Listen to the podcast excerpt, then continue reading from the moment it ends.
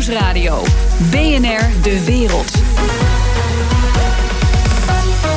Bernard Hammelburg. Welkom bij het beste binnenlandse programma over het buitenland. Je kon erop wachten. De machtige republikeinse gardes treden op tegen de demonstranten die al een week in Iran protesteren tegen de regering. Maar kunnen ze de geest terugduwen in de fles?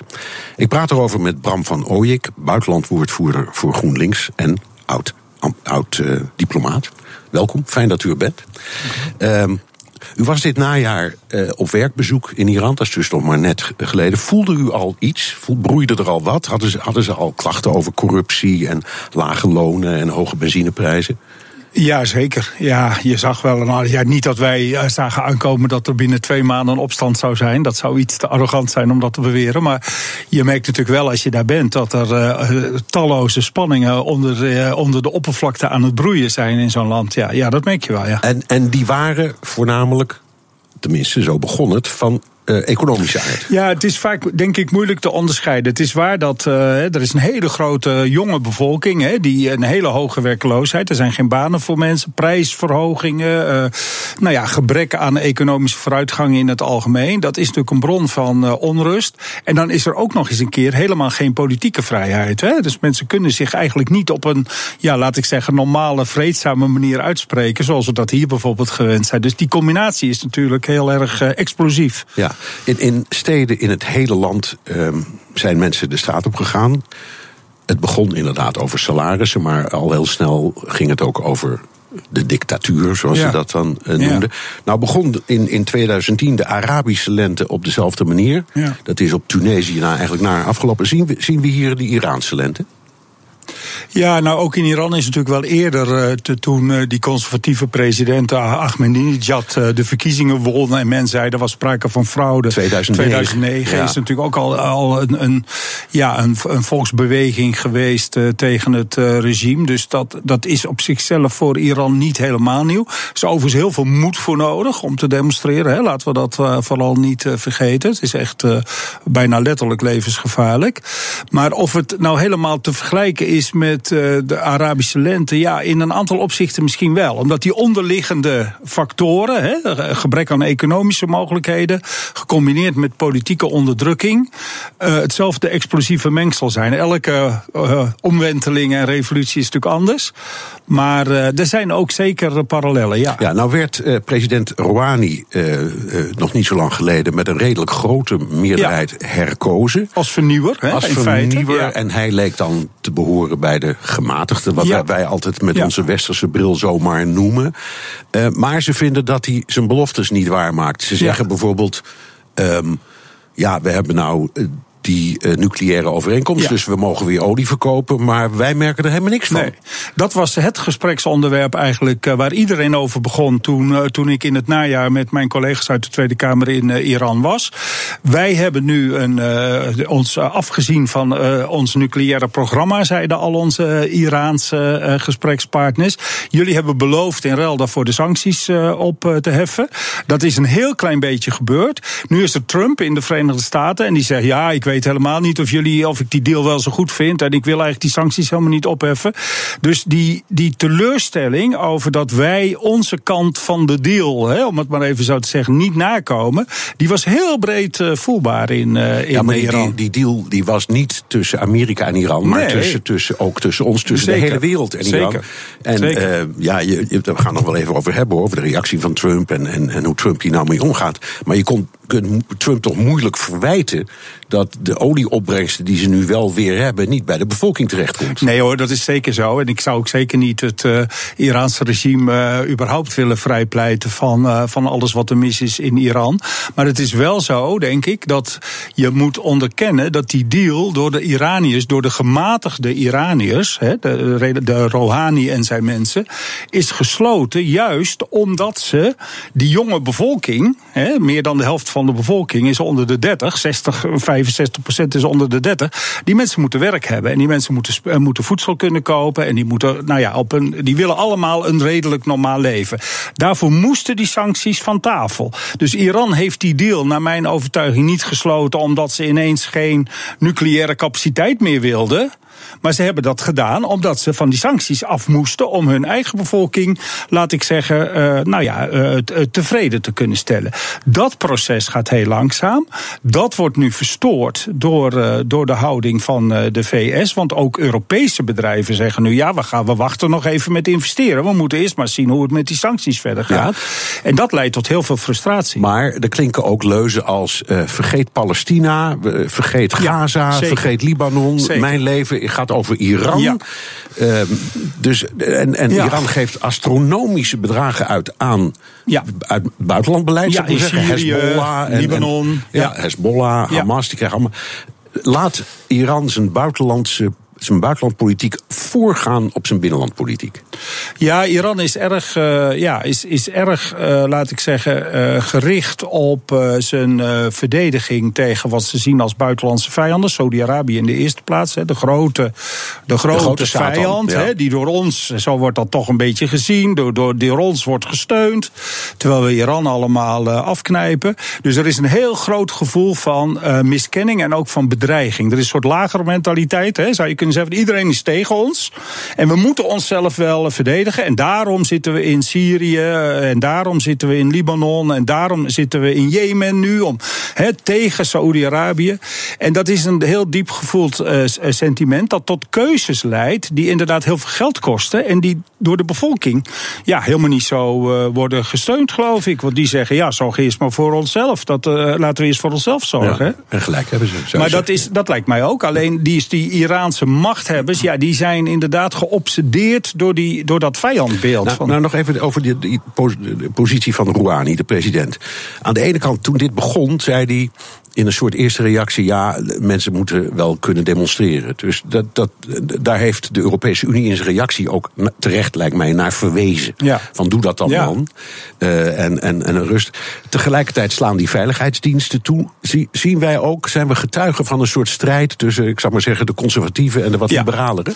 Tussen de conservatieven, die om te beginnen al helemaal uh, niet zagen zitten dat die nucleaire deal bijvoorbeeld gesloten zou worden. Hè. En die, zeiden, die nu zeggen van ja, zie je wel, hè, het uh, levert helemaal niks op. En uh, nu gaan mensen demonstreren en dat moeten we keihard onderdrukken. En, en dat is geloof ik inderdaad de strijd die zich afspeelde al voor deze demonstraties en, en opstand. Maar die nu nog veel scherper zeg maar, zich voordoet. met natuurlijk het risico dat uiteindelijk de conservatieven conservatieve krachten hiervan zodanig zullen pro profiteren. dat ze bij wijze van spreken de macht in Iran weer helemaal naar zich toe zullen trekken. Ja. Dat is natuurlijk een heel groot risico. Nou, nog iets met Rouhani. Ik heb ook de indruk dat hij een beetje een soort dubieuze dubbelrol speelt. Want aan de ene kant profileert hij zich als ja. een gematigde, wel moderne leider. Maar hij aast er ook op om het echte staatshoofd Gamenei op te volgen. Ja, en iedereen werkt natuurlijk binnen het systeem. Hè. Het is toch wel echt zo, het is niet voor niks dat Gamenei de opperste uh, religieuze leider uh, uh, heet. En nou ja, dat, dat was voor mij toch ook wel een eye-opener in al die gesprekken daar. Je leest het allemaal wel en je, je hoort het allemaal wel. Maar als je toch zelf in die gesprekken merkt dat uiteindelijk toch de religieuze leider, de allerhoogste leider is. Of het nou gaat over mensenrechten, of over corruptie, of, of over, economisch, beleid, of over economisch ja, beleid. Ja. Uiteindelijk zijn het de ayatollahs hè, die, die in Iran uh, bepalen hoe de wind waait. En, die... en binnen dat systeem moet zo'n zo iemand die wij dan gematigd noemen, wel degelijk functioneren. En, en die demonstranten zeggen, nou even mijn woorden hoor, die, die leiders, Gamenei en de zijne, dat, dat, is, ja, maar het is ook een oh. soort geriatrische instelling ja, aan het worden met, ze, met, ze bekromp, met bekrompen ideeën die niet meer over ons gaan. Ja. Dus dat speelt dan ook een rol, toch? Oh, ze zijn op leeftijd, ja, dat moet ik wel uh, toegeven. Ja, ja. En, en ze komen nog steeds met die revolutionaire ideeën uit 1979. Zeker, en daar verwijzen ze ook voortdurend naar. En daarom zeggen ze ook: uh, Iran is een democratie. Want het systeem dat wij nu hebben, daar heeft de bevolking in 1979 massaal voor gekozen door de Shah weg te jagen. Ja, maar dat, dat was, er sindsdien kunt... wellicht nog het een en ander is gebeurd. Ja, maar je kan zeggen dat was een revolutie zonder democratie. Ik, ik, stond er met mijn neus bovenop, dus ik heb het toen gezien. Ja. En nu willen ze democratie zonder revolutie. Ja, ik, ik weet niet of het woord democratie überhaupt bij uh, de, de Iraanse leiders erg in, in, in, in hoofdletters geschreven staat. Dat denk ik eigenlijk niet. Maar zij zeggen wel, als wij hen bekritiseren om het totale gebrek aan politieke vrijheid, dan zeggen zij met verwijzen, verwijzing nog steeds naar die revolutie van 1979 was het.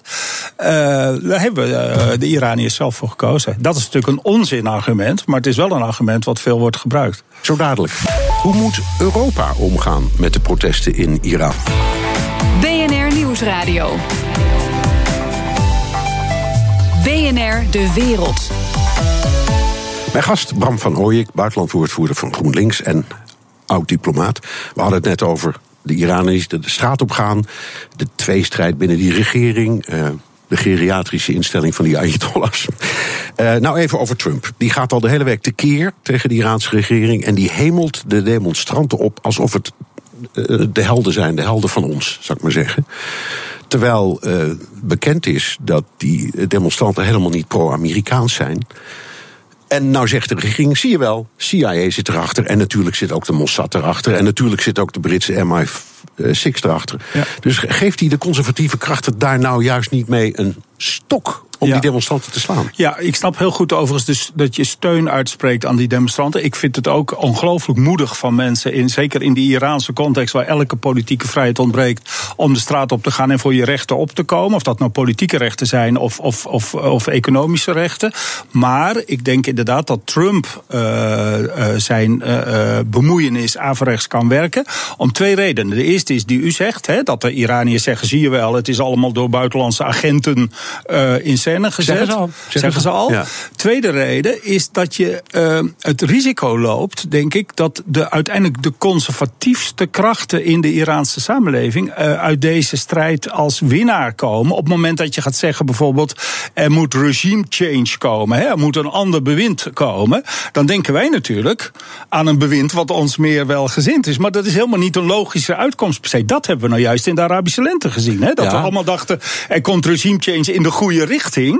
Maar heel vaak kwam een regime change helemaal niet in de nee, goede dat richting. was ook in 2009 een discussiepunt. Toen is Obama verweten dat hij niet of nauwelijks reageerde.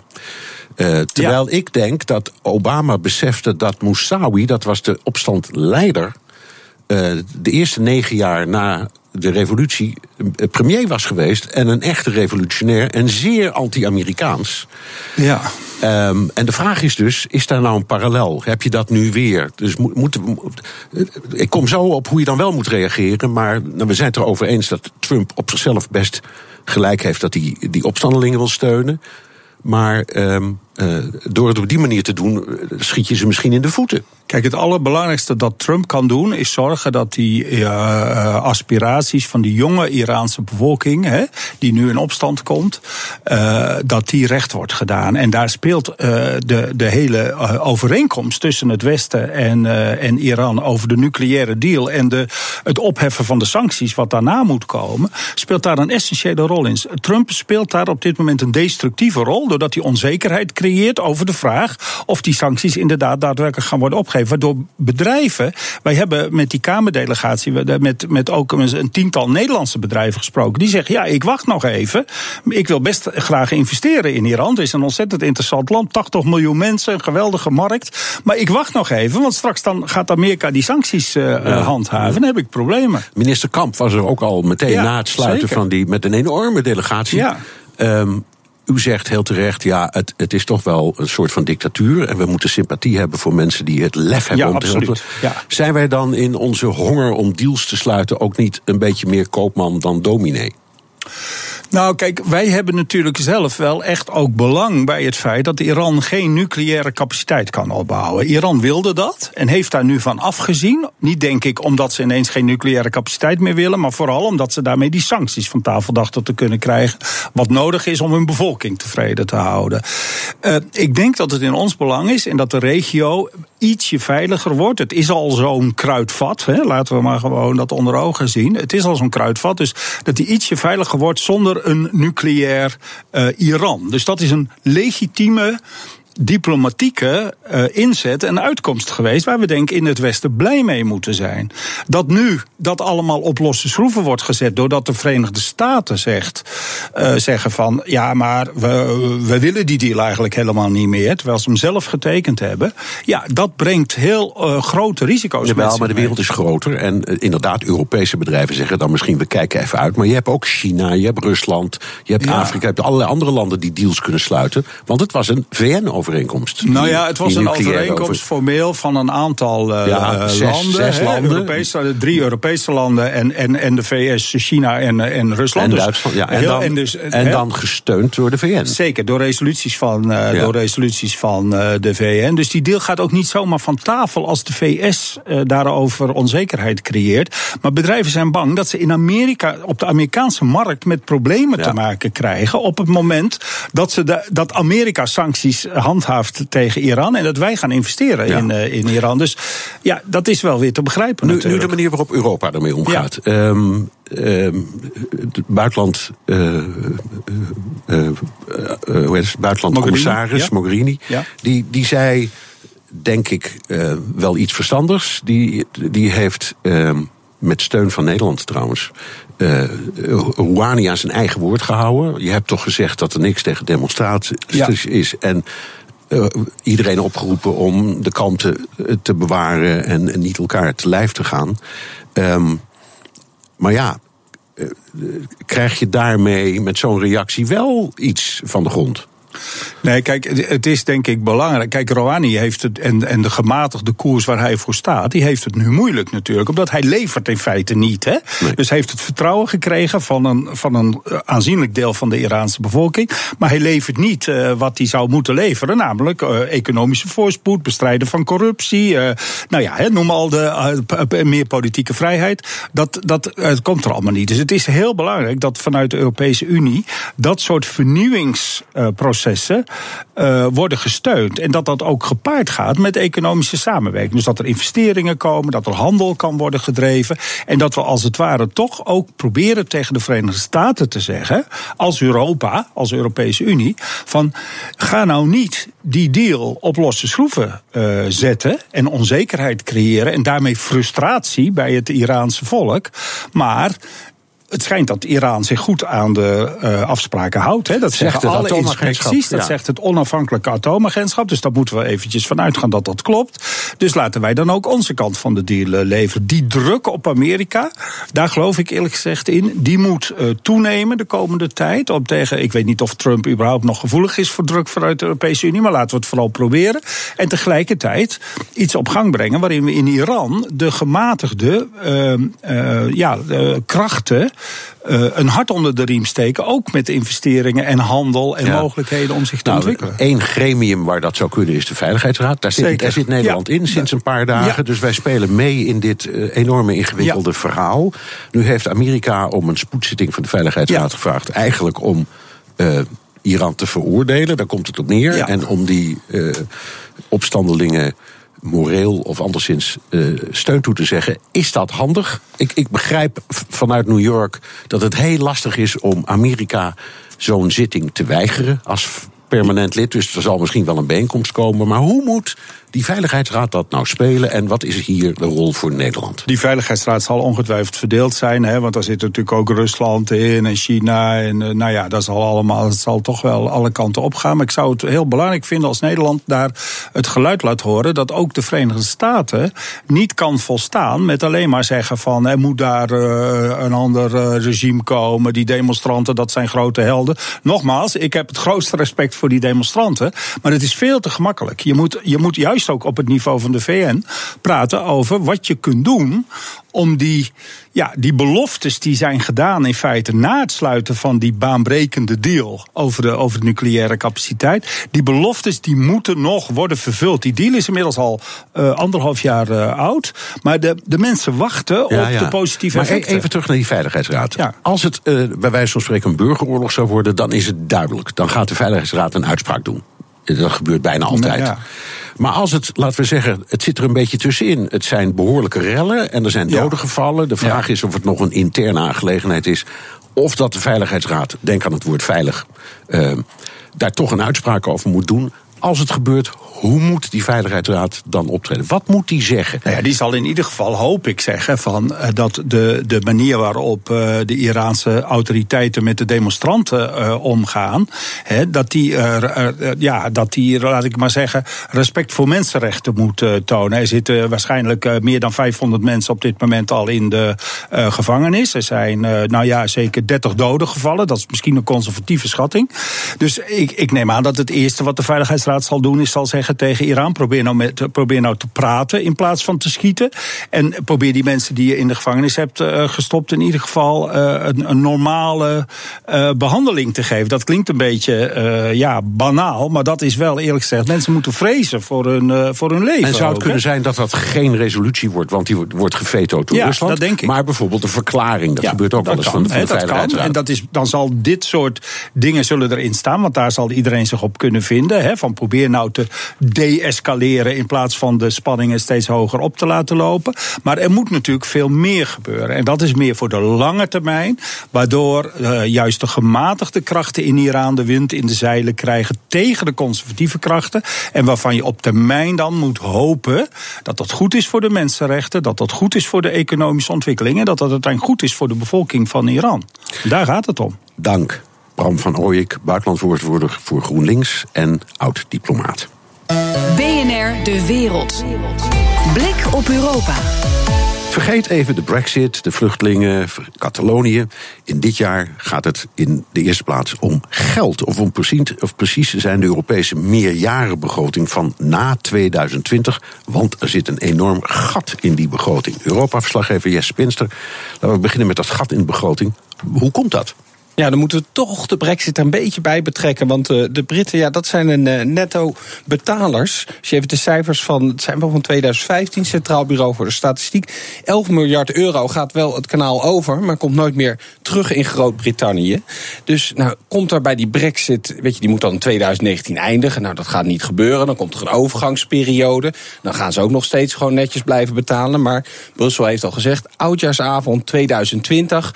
Dan is het ook met die overgangsperiode afgelopen. En dan komt er dus geen enkele pond meer naar de Europese begroting toe. Dus nee, hoe ga je dat gat uh, dan vullen? De Europese Commissie is in ieder geval van plan. Ja, dan moeten de landen maar meer gaan betalen. En dan gaan we ook wel bezuinigen. Dat, want ja, we moeten een beetje van allebei de kanten komen. Nou, je merkt al dat uh, zeker de netto-betalers aan het warmlopen zijn om uh, nou ja, deze oorlog uit te gaan vechten. Nederland is netto-betaler, dus wij betalen meer aan de EU dan we er uh, mm -hmm. van terugkrijgen. Is Mark Rutte zich aan het, aan het voorbereiden op een harde strijd om geld. Ja, absoluut. Het, het, het kan geen toeval geweest zijn dat op nieuwjaarsdag zijn Oostenrijkse collega ontmoette uh, bij de opera in Wenen. Ze, Oostenrijk is ook een netto-betaler. En Koorts, de Oostenrijkse premier, liet na afloop ook op uh, Twitter weten van de brexit mag geen reden zijn dat wij meer moeten gaan betalen. En voor Nederland is dat probleem alleen maar groter dan voor Oostenrijk. Wij betalen zo'n 3,5 miljard zijn wij netto uh, betaler. En dan komt dan nog een complicerende factor bij. We krijgen dan leuk een korting van 1 miljard. Omdat we al zoveel bijdragen. Dat heeft Thatcher ooit in de jaren 80, de Britse premier, voor elkaar gekregen. Nou, uh, in Brussel denken ze, daar moeten we dan met die brexit ook maar gelijk vanaf. Dus ja, Nederland is daar druk mee bezig. Dus we raken onze korting kwijt. Ook nog. Hoe ja. groot is die Europese begroting eigenlijk? En waarom heeft de EU überhaupt een budget nodig? Nou, ze hebben hem vastgesteld voor 2018, 160 miljard euro. En ja, het meeste geld gaat nog steeds naar landbouwsubsidies. Was ooit 70 procent, inmiddels is dat uh, zo rond de 40 procent. Uh, er wordt ook gesproken over om dat te gaan hervormen. Om misschien ook dat gat een beetje te kunnen dichten. Ja, boeren straks, zijn toch gewoon ondernemers? Ja, nou ja, ja, daarom. Dus daar wordt wel ja, toch steeds langzaam wordt daar een beetje anders over uh, gedacht. Maar ja, het is toch moeilijk om iets wat je heel lang hebt gekregen ineens in te gaan trekken. Nou ja, en naast deze en andere subsidies worden natuurlijk de Europese instellingen hiervan betaald. Kan je afvragen, heb je nou echt 28 uh, eurocommissarissen nodig? Maar ook instellingen als Frontex, grensbewaking. Nou ja, daar is iedereen het wel over eens. Daar moet misschien juist wel meer geld naar. Ja, nou heb je behalve netto betalers ook uh, netto ontvangers, zal ik maar zeggen. Uh, dus die verdienen aan die EU. Maken die zich ook zorgen? Die ja, absoluut. En dan uh, netto ontvanger nummer 1, dat is Polen. En die krijgt zo'n 10 miljard. Hongarije 5 miljard. Nou, die waren toevallig gisteren. De premiers kwamen bij elkaar in Budapest. En nou ja, die, die lieten daar toch weten van... wij willen echt wat te zeggen hebben in Europa. Want wij hebben ook een visie op de toekomst. En die visie is niet dat ze ineens geen geld meer gaan krijgen. Maar ja, die landen liggen al in de clinch met Brussel over de rechtsstaat, over vluchtelingen, over het kappen van bomen en andere zaken. En nou denken ze in Brussel, als we ze nou gaan korten, dan gaan zij zich aan de regels houden. En dat kunnen we allemaal doen via die begroting. Dus ja, het wordt echt een hele bloedige strijd, eh, vrees ik, het komende jaar. Dankjewel, Europa-verslaggever Jesse Pinster. BNR Nieuwsradio. BNR De Wereld. Hammelburg. Zo dadelijk Europarlementariër Kati Piri over het meest corrupte land van de Europese Unie. Maar nu eerst. The Donald Show. Tijd voor een update over de United States of Trump met Amerika-watcher Jan Postma. Uh, Jan, het Witte Huis is in rep en roer vanwege de uitspraken van Steve Bannon in het nieuwe boek Fire and Fury. Nou, schrijf jij toevallig op dit moment zelf ja. een boek over de adviseurs van Trump waren in een heel dik hoofdstuk over uh, Bannon. Dus ik mag jou wel een Bannon-expert noemen. um, uh, waarom doet Bannon die aanval op uh, zijn oude vriendje? Ja, dat, dat is een hele goede vraag. Dat is eigenlijk wat in Washington dan ook uh, rondgaat, hè, die vraag. Het kan gewoon wraak zijn. Hij is vervelend weggegaan uit het Witte Huis. Het kan zijn dat hij zichzelf weer in het boek wat, wat, uh, ja, wat groter heeft willen neerzetten. Dat zie je ook, dat is echt in alle artikelen en alle boeken waarin Steve Bannon voorkomt. Dan zet hij zichzelf altijd neer als echt nog groter en nog belangrijker dan hij was. Hij was ook heel belangrijk en is dat nog steeds, denk ik, voor Trump. Maar hij vindt het leuk om dat uit te vergroten. En ik denk de belangrijkste reden is dat hij Trump onder druk wil zetten. Steve Bannon ziet zichzelf als ja, de, de, man die eigenlijk het populisme in het Witte Huis moet verdedigen. Uh, Trump die wordt door allerlei mensen om hem heen beïnvloed. Zijn schoonzoon, uh, zijn stafchef, uh, Gary Cohn, die economische adviseur. Allemaal mensen die dingen willen waar Bannon het niet mee eens is. En Bannon wil dus dat Bannonisme, dat populisme, dat wil hij verdedigen. En, en dat, dat, probeert hij dus nu van buiten het Witte Huis ook nog steeds te doen. Ja, er druppelt nog steeds van alles door uit dat boek. Het moet nog officieel verschijnen, maar er zijn allerlei grote stukken al in tijdschriften en kranten. Waar maakt Trump zich nou het meest boos om? Nou, ik denk echt wat het meeste los heeft gemaakt bij Trump is, is die, die uitspraken over het, uh, het Rusland-onderzoek. Uh, Donald Jr. en Jared Kushner, de schoonzoon, die hadden een afspraak met een Russische advocaat in Trump Tower. Nou, dat was die afspraak waarvan dan werd gezegd, we hoopten op wat dirt over Hillary. Dat zat er niet in. Dus waar hebben we het over, zegt de Trump-campagne dan? Uh, nou, Steve Bannon heeft in dat boek dus gezegd, dit was verraad. Dit was wel degelijk echt een big deal. Dit is een enorm groot probleem. Dus hij had meteen de FBI moeten inschakelen. Ja, inderdaad, dat zeiden ze. hadden meteen moeten bellen. Wat is dit? Nou, dat is natuurlijk echt een dolksteek voor, voor, voor Trump. Want die, die probeert juist dat Mueller-onderzoek uh, klein te houden. Uh, dus dit is echt iets waar, waar Trump zich heel erg boos uh, om maakt. daarnaast zijn er ook nog wat dingen waarin hij echt belachelijk wordt gemaakt. Hè. Hij zou dan, Trump, die zou om, om half zeven s'avonds al in bed liggen... met tv-scherm voor zich, zijn telefoon bij zich en een Big Mac. Dan ligt hij daar al te, te eten, terwijl onder nog gewoon uh, gewerkt wordt in het Witte Huis.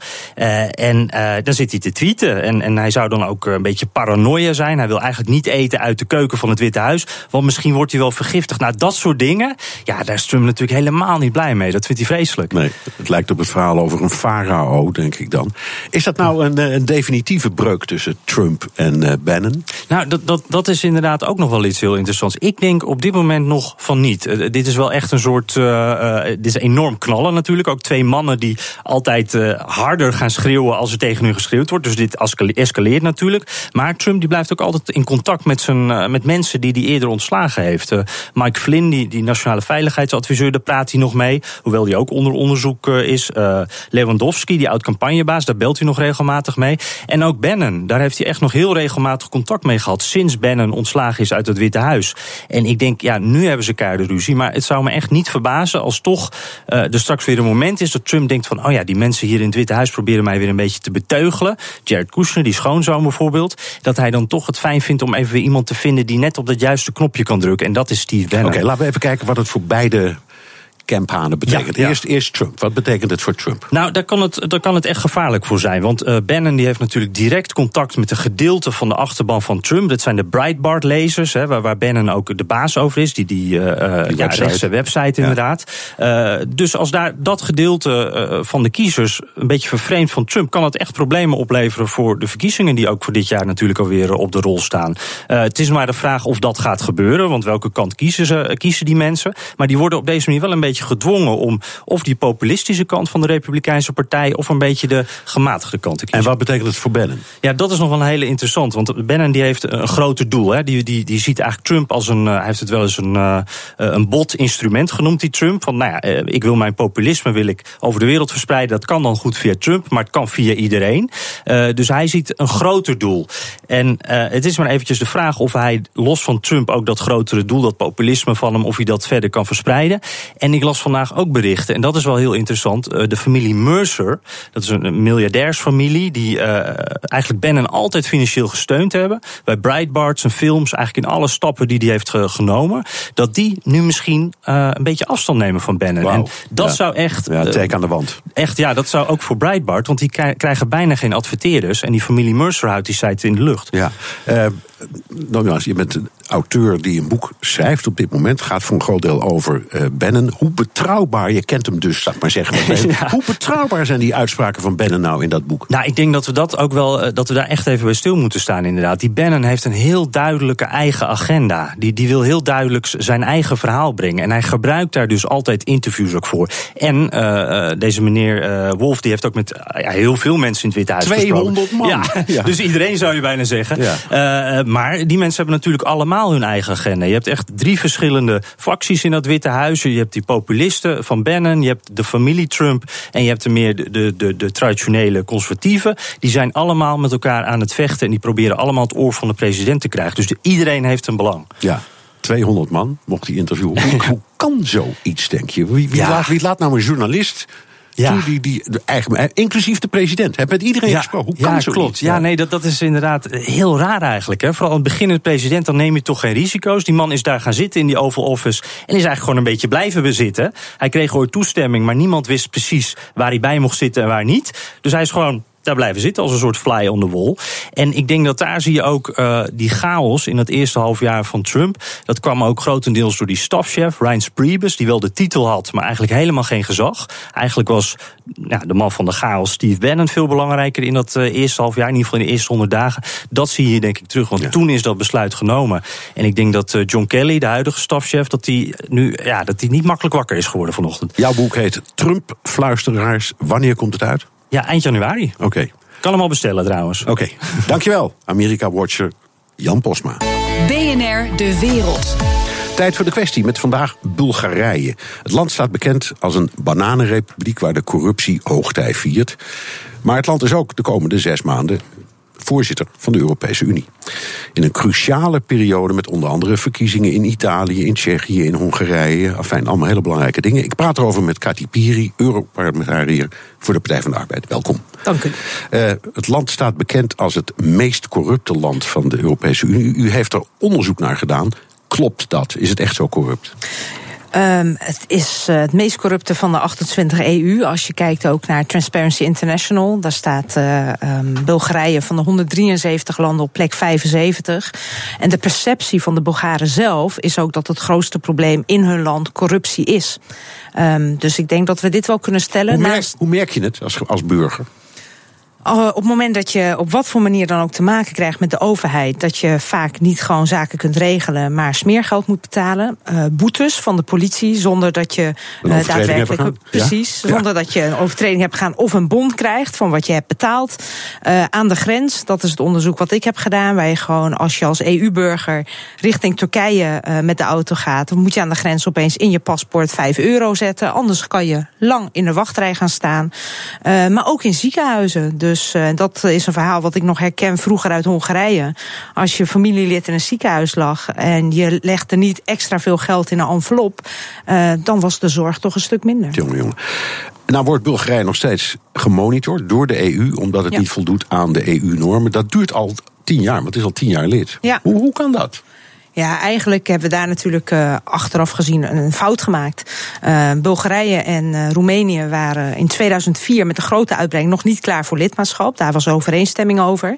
Maar in 2007 zijn ze toch lid geworden.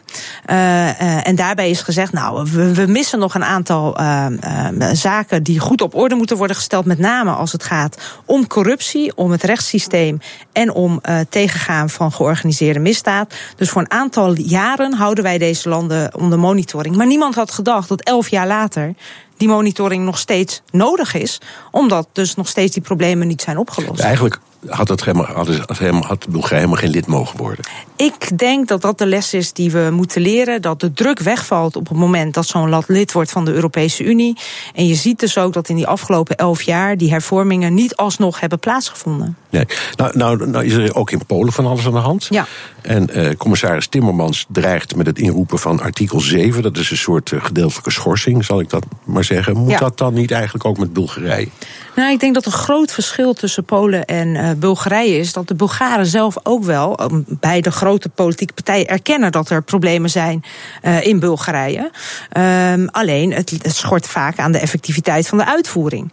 Terwijl, uh, wat zegt de Poolse regering? Die zegt gewoon tegen Brussel: bemoei je er niet mee. Je hebt er gewoon niks mee te maken. Nee. Um, nou, in zoverre, het parlement heeft een anticorruptiewet aangenomen. Ja. Daarvan heeft de president gezegd, daar spreek ik een veto tegen uit. Maar Ja. ik las nu net uh, in het nieuws dat het parlement zegt, je gaat je gang maar, maar dat, maken, dat, dat stemmen wij dan weer af, dat veto. Dus ja, ze kunnen, dat- ze kunnen het overroelen. Het is zo dat de regering die er zit, is een centrumrechtse regering. Um, en de president is er juist gekomen met steun van de oppositie, van de Sociaaldemocraten. En waar gaat het gevecht over? Over die nieuwe anticorruptiewetgeving. Onder wiens controle? Wie mag straks de anticorruptie-eenheid benoemen? Zo. En de oppositie wil natuurlijk dat de president dat doet. En de regering wil dat het per simpele meerderheid in, de, uh, in het parlement wordt besloten. En dat maakt al duidelijk, in plaats van dat je natuurlijk een transparante, onafhankelijke aanklagers hebt, onafhankelijk uh, uh, anticorruptieorgaan, gaat de strijd nu in Bulgarije over onder wiens politieke invloed moet dat instituut komen te staan. Bulgarije lijkt, als je er naar kijkt, een beetje leeg te lopen. Lo- Er gaan enorm veel mensen weg. Bijvoorbeeld naar Nederland. Er werken hier eh, volgens onze gegevens al iets van 8000 Bulgaren in Nederland. Zijn, gaan die mensen weg vanwege de corruptie? Ik denk dat het vooral weggaan. Uh, kijk, corruptie is een van de elementen. Het is ook het armste land van de Europese Unie. Uh, een land met heel veel werkloosheid. Uh, dus het is natuurlijk een combinatie van elementen. Dezelfde reden waarom je ook heel veel mensen uit Polen, Hongarije, Tsjechië naar het westen komen. En met name jongeren, omdat ze geen baan kunnen vinden thuis. En corruptie speelt daar ongetwijfeld ook een element in. Zouden we het voorzitterschap van de Unie moeten ontnemen dit half jaar? Kan dat trouwens?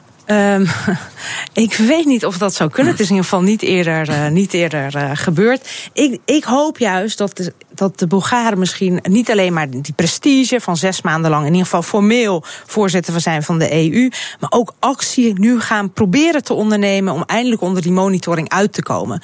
Want waar bijvoorbeeld de Europese Commissie stelt dat uh, Bulgarije al jaren klaar is om toe te treden tot Schengen is er juist door Nederland, doordat wij dat eigenlijk al uh, een, een, paar jaar vetoen tot de dag van vandaag, um, is het land nog steeds niet, he, hoort het nog steeds niet in het, in het Schengengebied. Dat is iets waar Bulgarije de komende zes maanden verandering in zou willen brengen. Maar dan zeg ik, dan moet je hier eindelijk nu ook eens een keer werk maken van uh, dit soort maatregelen die eigenlijk elf jaar geleden al opgelost hadden moeten zijn. Zo dadelijk. Hoeveel invloed hebben die corrupte Bulgaren als voorzitter van de EU op de EU? BNR Nieuwsradio. BNR De Wereld. Mijn gast Kati Piri, Europarlementariër voor de Partij van de Arbeid. En we praten over Bulgarije en de enorme corruptie daar. U hebt er net een onderzoek naar gedaan. We hadden het over de Europese Commissie. Um, die wel ingrijpt in Polen, maar niet in uh, Bulgarije. Nu zegt u ja, dat is niet helemaal hetzelfde. Omdat, omdat in Bulgarije het besef wel leeft dat er iets aan, aan de knikker is. Niettemin, waarom is de druk vanuit die commissie op Bulgarije niet harder? Ja, ik denk dat dat een goede vraag is. De commissie publiceert wel elk jaar van die monitoringsrapporten. Maar ik denk uh, dat daar niemand. Het is een soort automatisme geworden. Hè. Het is een soort ritueel. Elk jaar komt er een rapport. Bulgarije voldoet nog steeds niet aan de voorwaarden. En de Bulgaarse regering zegt: Nou, wij nemen het rapport uh, serieus tot ons. En proberen er nu hervormingen door te voeren. Maar het gebeurt niet. ik denk een hele, hele terechte vraag. En um, ik wil hier niet de optimist uithangen. Maar het enige positieve wat ik zie aan de zes maanden voorzitterschap voor Bulgarije is dat zij ook onder een vergrootglas liggen. En dat we hier nu ook samen met elkaar nu eens een keer wel over dit probleem spreken. Ja, ja, ja, ja. dus, dus ze halen misschien met dat voorzitterschap een soort monster in huis. Nou ja, je ziet het nu al. Het eerste nieuws was over die anticorruptiewet Precies. die gevetood wordt. Precies, en waarvan het parlement zegt: we zullen je uh, uh, wat laten zien, meneer de president. Wij, ja, maar voor het eerst zul je dus ook zien dat er ook vanuit Brussel nu veel meer, ook vanuit, vanuit de verschillende lidstaten nu aandacht is voor wat gebeurt er eigenlijk in dat land. We weten er zo weinig vanaf. Dus we zouden nou Polen voorzitter moeten maken. dat is dan een, ja, ja, het is echt het is een hele frisse gedachte. Je zegt, de, de, ja, de schijnwerpers staan nou op zo'n land, op zo'n land. En dat kan positief uitpakken, dat kan negatief uitpakken. Nou zitten er in de Bulgaarse regering ook eh, drie extreem rechtse partijen. De Verenigde Patriotten. Wat voor partijen zijn dat? Ja, um, enge partijen, als je, het, als, je het, eh, als je het mij vraagt. Zeer nationalistisch en met name ook gericht op een uh, grote minderheid in Bulgarije. En dat zijn de Roma. Dus de uitspraken, recente uitspraak van de vicepremier van Bulgarije, die van die partij is. Nou, ik hoef ze hier niet te herhalen, maar die waren echt schandalig over, over die bevolkingsgroep. De minister van Defensie, het zijn sterke nationalistische partijen die zich graag afzetten in Bulgaars zijn tegen de anderen. En dat zijn dan de Roma-Bulgaren. Ja. Um nou, de aanleiding om erover te praten was natuurlijk uw onderzoek en het feit dat Bulgarije nu voorzitter is van de EU. Er komen allerlei hele gecompliceerde situaties aan. De brexit, ja. uh, enorme formatieproblemen die nu al worden verwacht na de verkiezingen in Italië op 4 maart. Er komen verkiezingen in Tsjechië. Um, nog allerlei andere dingen. Het is, het is natuurlijk ook per definitie wat, wat de commissie doet, ook vaak het aaneenrijgen van antwoorden. Event. Ja, en ook vaak van crisisachtige ja, situaties. Klopt. Is zo'n land als, als Bulgarije nou in staat om de Unie door al dat soort problemen heen te loodsen? Nou, ik zou haast willen zeggen, gelukkig is dat niet alleen aan uh, Bulgarije. Sinds een aantal jaar is het zo dat het voorzitterschap toch een stuk minder voorstelt dan vroeger. We hebben een vaste voorzitter die de agenda bepaalt. Dat is de Paul Tusk. Uh, dus die heeft de agenda ook al voor de komende maanden uitgezet. Hij zit ook alle toppen voor. Dus bijvoorbeeld wanneer we het gaan hebben over Brexit, dan is Tusk die de agenda van de top bepaalt. En dan is het Barnier die de onderhandelingen voert. Dus daar heeft bijvoorbeeld een Bulgaars voorzitterschap niet zoveel uh, mee, mee, mee te maken. Dus dus wat dat betreft is het niet meer zo zoals vroeger dat een voorzitterschap nou echt zo'n enorme uh, stempel kan drukken op de agenda. Behalve als het bijvoorbeeld een groot land is, een groot machtig land in de EU. Dan kan je natuurlijk die agenda veel meer beïnvloeden. Maar dat is Bulgarije niet. Ja, u had het over Tusk, die, die heeft een deadline gesteld voor een nieuwe migratiedeal. Ja, in um, juni. Ja, de nieuwe extreemrechtse regering in Oostenrijk flirt met de Visegrad-landen. Dus dat is zo'n groep van ja. Oost-Europese landen. Die zijn daar nou weer tegen. Bulgarije sta, staat ook niet te springen om mensen op te nemen. Betekent dat nou dat zo'n migratiedeal feitelijk onmogelijk wordt? Dat is het al, eh, denk ik, ongeacht uh, wie er nu voorzitter is. Maar precies de twee landen die u nu noemt, dat, dat zijn de twee voorzitters in 2018. Ja, want, want na Bulgarije krijgen we Oostenrijk. Ja. met, een, uh, met inderdaad een, ook een extreemrechtse partij uh, in, de, in de nieuwe regering daar. Ik denk om heel eerlijk te zijn dat de komende maanden, um, we moeten eerst kijken, krijgen we een nieuwe Duitse regering? Wat zijn dan de hervormingsagenda's hè, die er daadwerkelijk gaan komen in de Europese Unie? En um, uh, dat zal het debat toch uh, met name gaan worden. En Bulgarije hoort niet bij de landen, de Visegrad-landen die u net noemde, die zich ernstig hebben verzet tegen de quota. Ik zeg niet dat ze staan te springen om het opvangen van vluchtelingen, maar staan niet bekend als de grootste tegenstanders. Uh, een groot debat de komende maanden is natuurlijk ook de eurozone, de hervorming daarvan. Dat staat al op de agenda. Bulgarije maakt geen deel uit van de eurozone. Dus wat dat betreft denk ik dat zij niet de agenda gaan bepalen. Nee, nee, nee, nee. En u, u zei net. Uh, Oostenrijk uh, de volgende. is de volgende. Ja, nou. en daarna krijgen we Roemenië. Ja. Nou, uh, nou goed, dat is, dat is, de consequentie van een unie van nu nog steeds 28 ja. leden.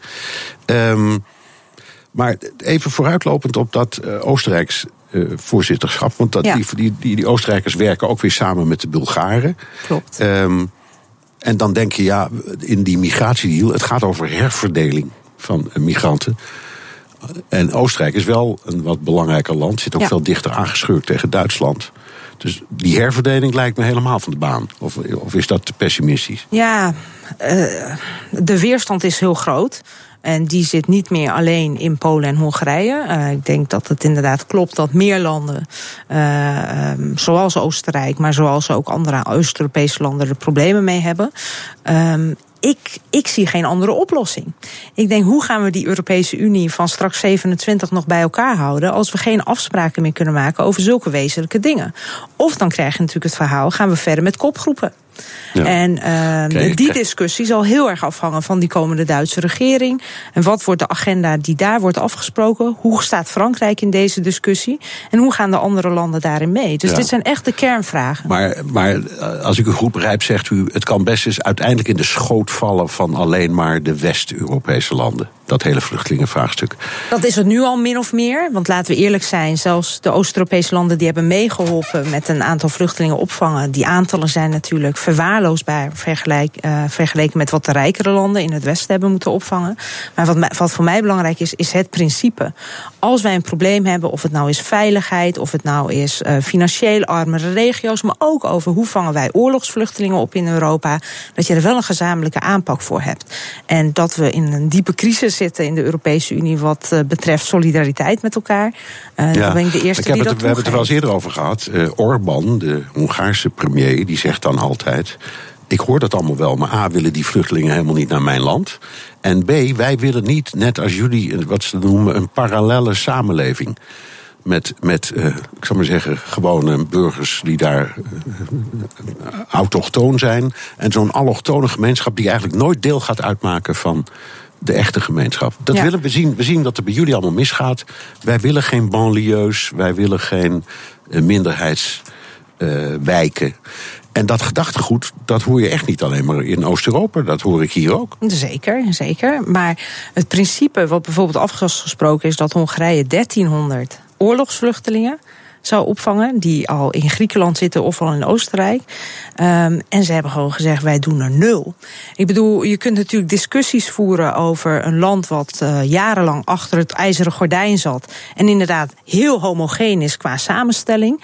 Eh, dat is natuurlijk een hele andere ook geschiedenis dan, eh, dan we in Nederland hebben.